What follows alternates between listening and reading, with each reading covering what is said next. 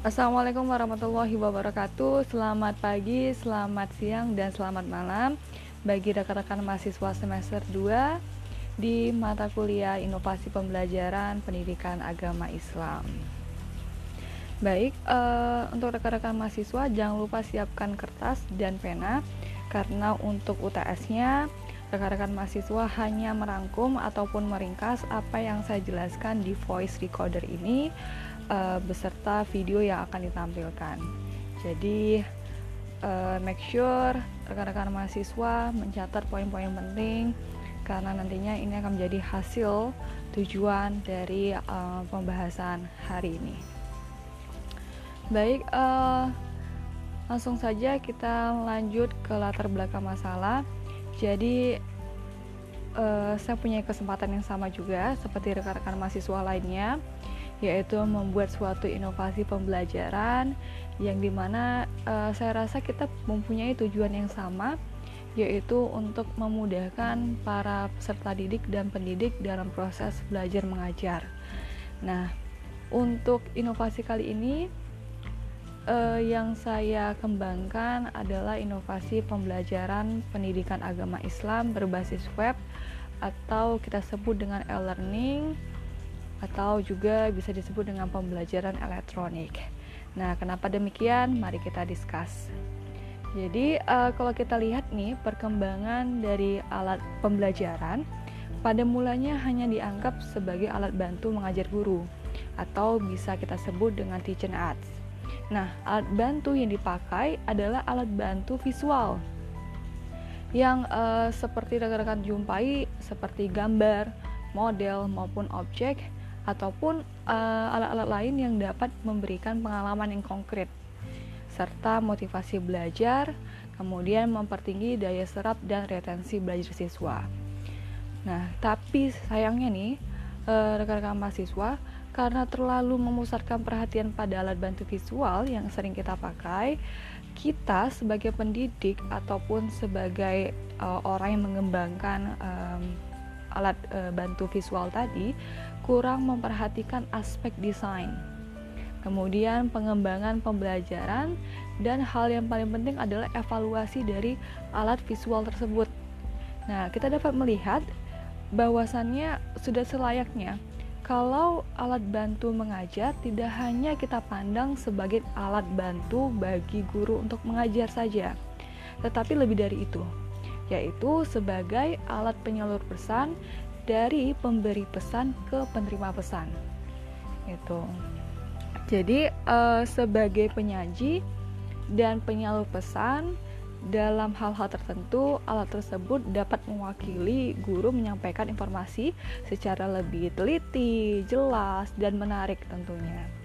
Kemudian kalau kita kaitkan nih dengan era abad 21 uh, masa sekarang, Kemudian kita juga mengaitkan di sekarang kan udah ngebahas industri 4.0 ya. Nah, kalau udah berhubungan dengan dua uh, abad 21 dan plus industri 4.0, ini udah ada teknologi yang bukanlah hal yang umum bagi kita bahkan setiap harinya akan ada satu inovasi apa pun itu dalam bentuk pembelajaran, dalam bentuk industri, dalam bentuk um, apa ya uh, startup gitu ya ataupun bisnis. Tapi kalau misalnya dalam pembelajaran bagaimana sih gitu ya? Nah tapi uh, bagaimana dengan keadaan sekarang juga kita harus kaitkan juga dengan masa sekarang masa-masa COVID-19 yang sangat berpengaruh sekali di dalam dunia pendidikan. Kenapa begitu? Karena semuanya bertransformasi. Jadi yang pendidik yang tadinya tidak bisa mengoperasikan beberapa aplikasi, sekarang mereka harus berdamai dengan itu. Mereka harus bisa. Kemudian juga ada uh, mungkin saat ini nggak ada lagi ya saya jumpai pendidik yang buka halaman sekian, kerjakan dan kumpulkan. Nah, kalau sekarang itu kita sebagai pendidik harus memutar otak, harus berinovasi dalam pembelajaran supaya terciptanya si pendidikan ya bermutu dan berkualitas gitu. Kemudian peserta didik ini uh, Meskipun ada di rumah, para pendidik harus memastikan kegiatan belajar mengajar tetap berjalan. Solusinya ya pendidik dituntut untuk mendesain media ataupun alat bantu pembelajaran sebagai inovasi dengan memanfaatkan media daring ataupun online yang biasa kita temui ya sekarang ini. Kemudian ini juga didukung dengan keputusan e, Menteri Pendidikan dan Kebudayaan Republik Indonesia terkait surat edaran nomor 4 tahun 2020 tentang pelaksanaan kebijakan pendidikan dalam masa darurat penyebaran coronavirus disease atau kita sebut dengan COVID-19.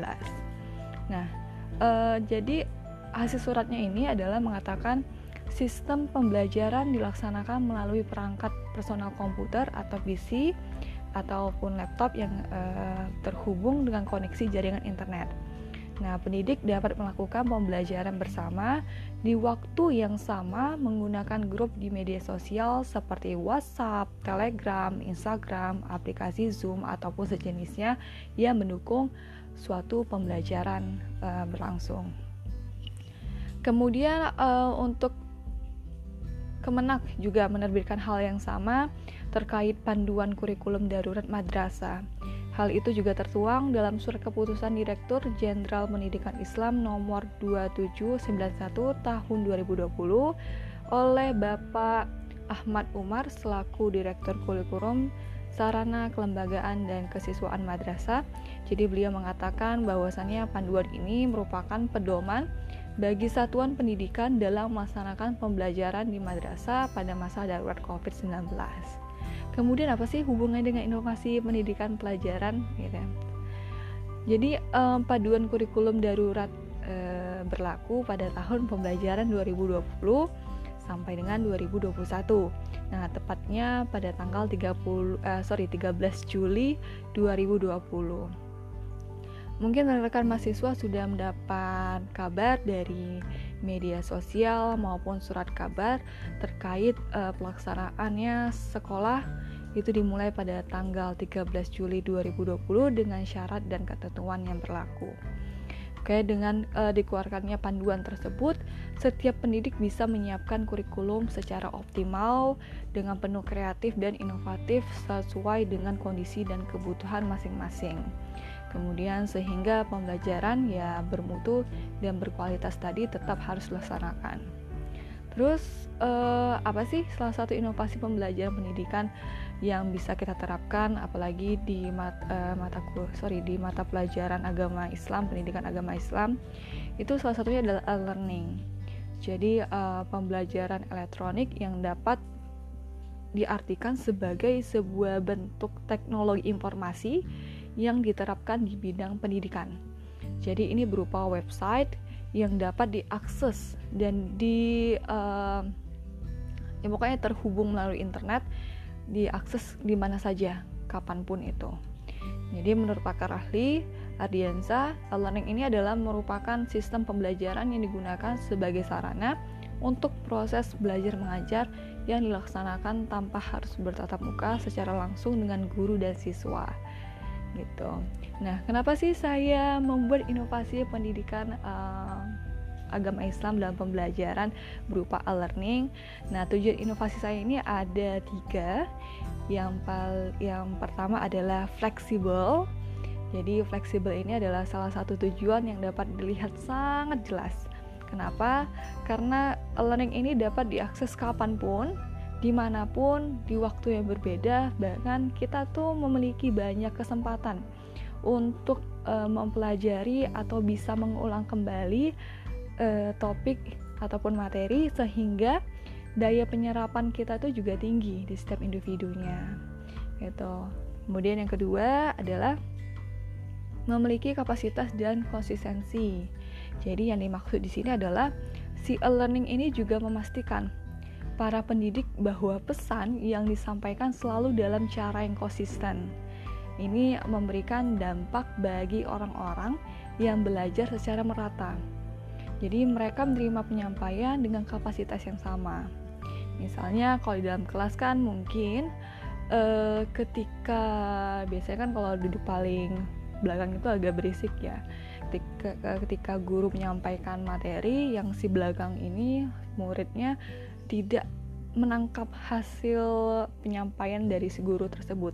Jadi antara si depan yang murid duduk di depan dan di belakang ini penyampaiannya pasti beda, tidak merata. Tapi kalau sekarang yang saya uh, terapkan ke rekan-rekan mahasiswa, saya yakin juga sama kapasitasnya. Teman-teman bisa mendengarkan atau uh, menjelas uh, mendengarkan apa yang saya jelaskan dengan kapasitas yang sama.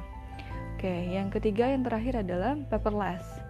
Jadi uh, siswa tidak perlu mencetak materi, kuis maupun latihan ataupun lainnya yang berhubungan dengan kertas karena kita kerjakan secara online.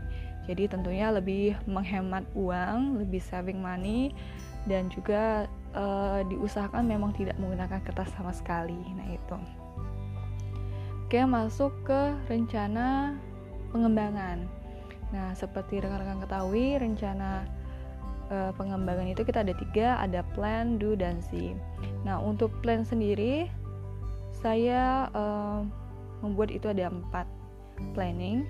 Yang pertama adalah goals. Jadi di sini uh, saya harus menentukan tujuannya karena tujuan kan merupakan penanda jalan menuju kesuksesan. Jadi uh, kita jelas nih ke mana arah yang mau kita tuju dan membantu melacak kemajuan dari inovasi tersebut. Misalnya saya akan membuat inovasi ini untuk anak SD kelas 4 ataupun kelas 5 juga bisa sih dengan pembelajaran mengenalkan uh, ataupun melafalkan asmaul husna. Jadi uh, di dalam video ini nanti video ada video di websitenya itu ada video. Jadi mereka bisa mengakses video tersebut. Kemudian uh, ini juga disesuaikan tentunya dengan kebutuhan mahasiswa, uh, sorry kebutuhan siswa. Dan goalsnya adalah sudah ya goalsnya adalah uh, mereka dituntut untuk melafalkan si asma ususna tadi gitu kemudian yang kedua adalah tentukan skill yang diingin diperoleh apa. Jadi kan ada skill menulis melafalkan mendengarkan ataupun membaca. Nah saya lebih ke melafalkan gitu. Jadi kalau misalnya udah tercapai si melafalkan ini baru bisa lanjut ke skill lainnya. Kemudian yang ketiga, yang ketiga ini membuat konsep desain ya tentu harus dipikirkan matang-matang karena uh, ini disesuaikan dengan levelnya anak-anak mad, uh, anak-anak madrasah ataupun SD kelas 4. Nah, tentunya mereka kan ingin yang berwarna, lebih banyak gambar, kemudian durasi video tuh gak usah terlalu lama, yang singkat-singkat aja tapi menarik dan jelas gitu.